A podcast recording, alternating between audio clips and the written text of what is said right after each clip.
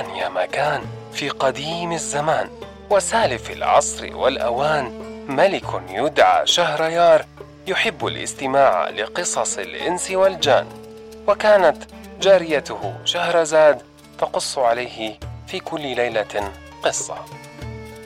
هذا بودكاست ألف ليلة وليلة.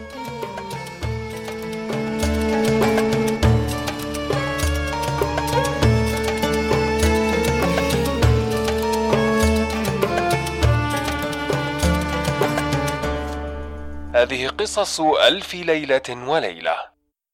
الليلة السابعة.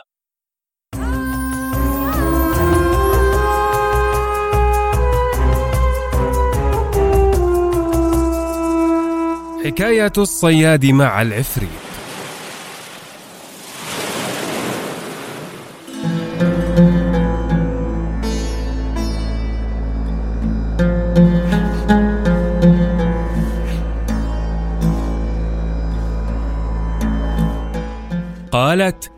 بلغني أيها الملك السعيد أنه لما تكلم السمك قلبت الصبية الطاجن بالقضيب وخرجت من الموضع الذي جاءت منه والتحم الحائط.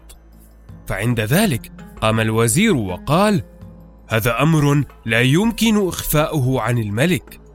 ثم إنه تقدم إلى الملك وأخبره بما جرى قدامه. فقال لا بد أن أنظر بعيني. فأرسل إلى الصياد وأمره أن يأتي بأربع سمكات مثل الأولى وأمهله ثلاثة أيام. فذهب الصياد إلى البركة وأتاه بالسمك في الحال فأمر الملك أن يعطوه أربعمائة دينار. ثم التفت الملك إلى الوزير وقال له سوي أنت السمك ها هنا قدامي. فقال الوزير سمعا وطاعة. فأحضر الطاجن ورمى فيه السمك بعد أن نظفه ثم قلبه وإذا بالحائط قد انشق وخرج منه عبد أسود كأنه ثور من الثيران أو من قوم عاد وفي يده فرع من شجرة خضراء. وقال بكلام فصيح مزعج يا سمك! يا سمك هل أنت على العهد القديم مقيم؟ فرفع السمك رأسه من الطاجن وقال نعم نعم وأنشد هذا البيت. إن عدت عدنا وإن وافيت وافينا وإن هجرت فإنا قد تكافينا. ثم أقبل العبد على الطاجن وقلبه بالفرع إلى أن صار فحما أسودا. ثم ذهب العبد من حيث أتى.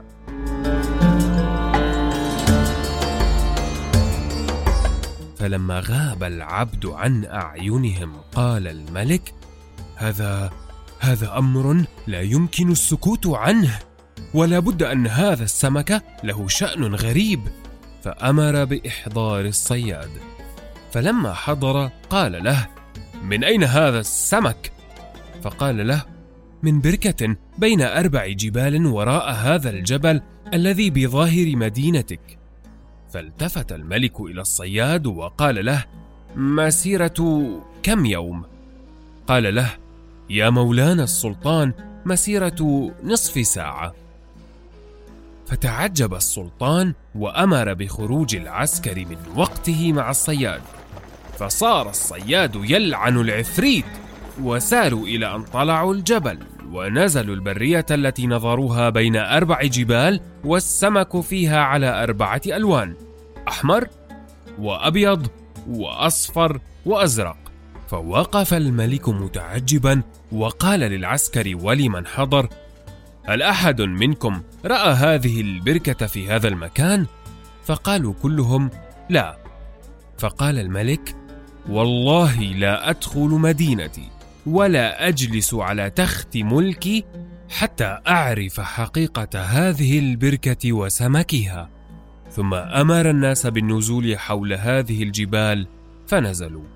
ثم دعا بالوزير وكان وزيرا خبيرا عاقلا لبيبا عالما بالأمور. فلما حضر بين يديه قال له إني أردت أن أعمل شيئا فأخبرك به. ذلك إنه خطر ببالي أن أنفرد بنفسي في هذه الليلة وأبحث عن خبر هذه البركة وسمكها فأجلس على باب خيمتي وقل للأمراء والوزراء والحجاب أن السلطان متشوش وأمرني أن لا آذن لأحد في الدخول عليه ولا تعلم أحدا بقصدي. فلم يقدر الوزير على مخالفته.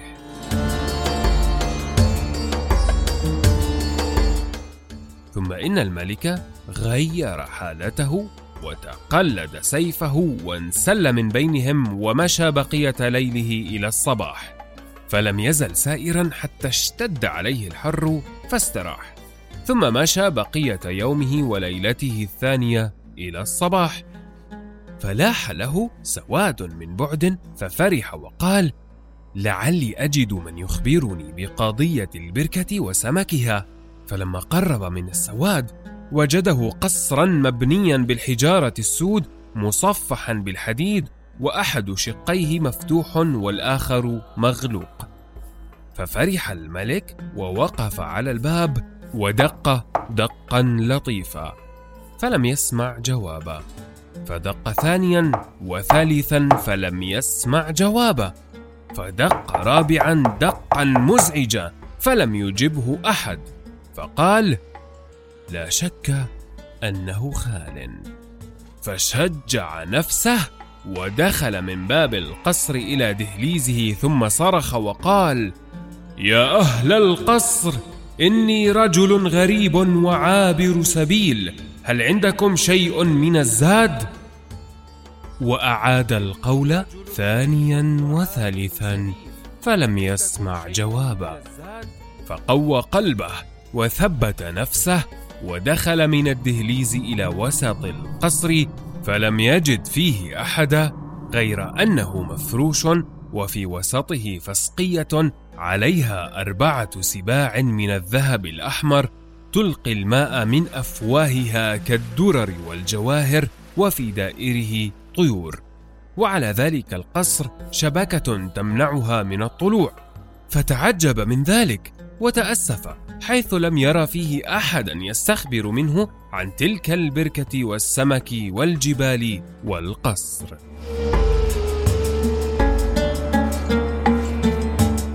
ثم جلس بين الأبواب يتفكر وإذا هو بأنين من كبد حزين فسمعه يترنم بهذا الشعر لما خفيت ظني ووجدي قد ظهر والنوم من عيني تبدل بالسهر. ناديت وجدا قد تزايد بالفكر.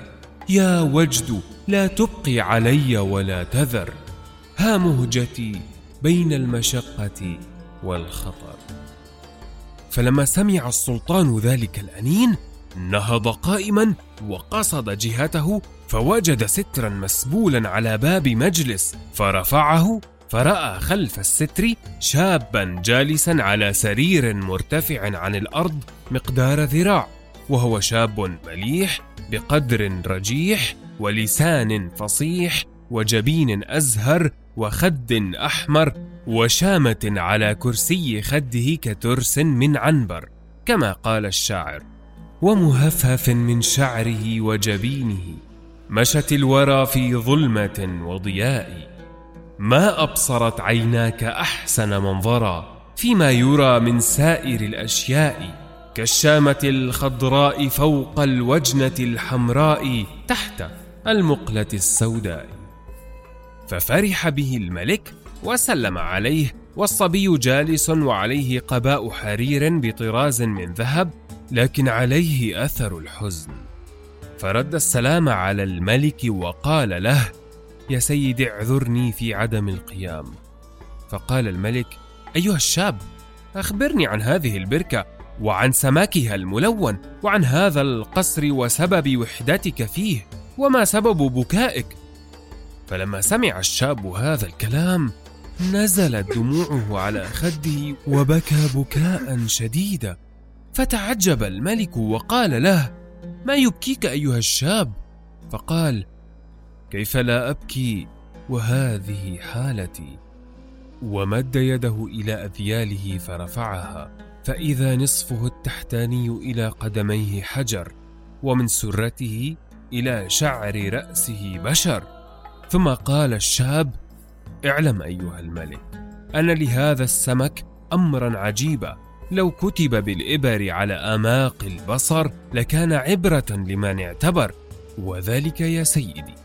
أنه كان والدي ملك هذه المدينة وكان اسمه محمود صاحب الجزائر السود وصاحب هذه الجبال الأربعة فأقام في الملك سبعين عاما. ثم توفي والدي وتسلطنت بعده وتزوجت بابنة عمي وكانت تحبني محبة عظيمة بحيث إذا غبت عنها لا تأكل ولا تشرب حتى تراني. فمكثت في عصمتي خمس سنين إلى أن ذهبت يوما من الأيام إلى الحمام فأمرت الطباخ أن يجهز لنا طعاما لأجل العشاء. ثم دخلت هذا القصر ونمت في الموضع الذي أنام فيه وأمرت جاريتين أن يأتياني فجلست واحدة عند رأسي والأخرى عند رجلي وقد قلقت لغيابها ولم يأخذني نوم غير أن عيني مغمضة ونفسي يقظانة فسمعت التي عند رأسي تقول للتي عند رجلي يا مسعودة إن سيدنا مسكين ويا خسارته مع سيدتنا الخبيثة. فقالت الأخرى لعن الله النساء الخائنات ولكن مثل سيدنا وأخلاقه لا يصلح لهذه الخائنة التي كل ليلة تبيت في غير فراشه. فقالت التي عند رأسي إن سيدنا مغفل حيث لم يسأل عنها. فقالت الأخرى ويلك وهل عند سيدنا علم بحالها؟ بل تعمل لها عملا في قدح الشراب الذي يشربه كل ليلة قبل المنام. فتضع فيه البنجة فينام ولم يشعر بما جرى ولم يعلم أين تذهب ولا بما تصنع. لأنها بعدما تسقيه الشراب تلبس ثيابها وتخرج من عنده فتغيب إلى الفجر وتأتي إليه وتبخره عند أنفه بشيء فيستيقظ من منامه. فلما سمعت كلام الجواري صار الضياء في وجهي ظلاما. وما صدقت أن الليل أقبل وجاءت بنت عمي من الحمام وأكلنا وجلسنا ساعة نتنادم كالعادة. ثم دعتني بالشراب الذي أشربه عند المنام فناولتني الكأس فتزاوغت عنه وجعلت أني أشربه مثل عادتي ودلقته في عبي ورقدت في الوقت والساعة.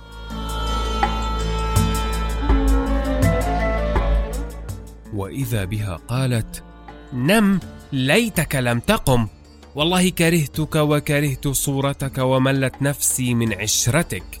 ثم قامت ولبست أفخر ثيابها وتبخرت وتقلدت سيفا وفتحت باب القصر وخرجت.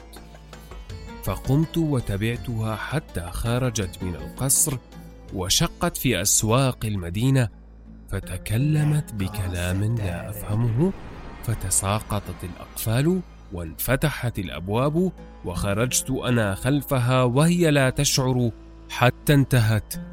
إلى ما بين الأكوام. وأتت حصنا فيه قبة مبنية بطين لها باب. فدخلته هي وصعدت أنا على سطح القبة وأشرفت عليها.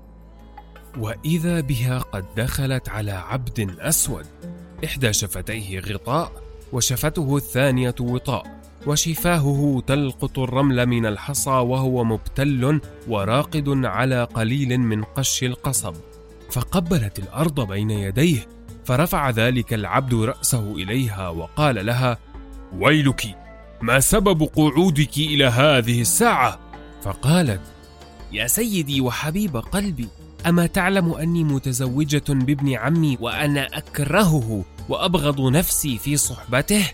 ولولا أني أخشى على خاطرك لكنت جعلت المدينة خرابة يصيح فيها البوم والغراب وأنقل حجارتها إلى خلف جبال قاف. فقال العبد تكذبين يا عاهرة أتنقلبين علي من أجل شهواتك يا منتنة؟ قال الملك فلما سمعت كلامهما وأنا أنظر بعيني ما جرى بينهما صارت الدنيا في وجهي ظلاما. ولم أعرف روحي في أي موضع. وصارت بنت عمي واقفة تبكي عليه وتتذلل بين يديه وتقول له يا حبيبي وثمرة فؤادي ما أحد غيرك بقى لي. فإن طردتني يا ويلي يا حبيبي يا نور عيني. وما زالت تبكي وتتضرع له حتى رضي عليها. فلما نظرت إلى هذه الفعال التي قد فعلتها بنت عمي غبت عن الوجود فنزلت من فوق أعلى القبة ودخلت وأخذت السيف من بنت عمي وهممت أن أقتل الاثنين فضاربت العبد اولا على رقبته فظننت أنه قضي عليه. وأدرك شهرزاد الصباح فسكتت. عن الكلام المباح.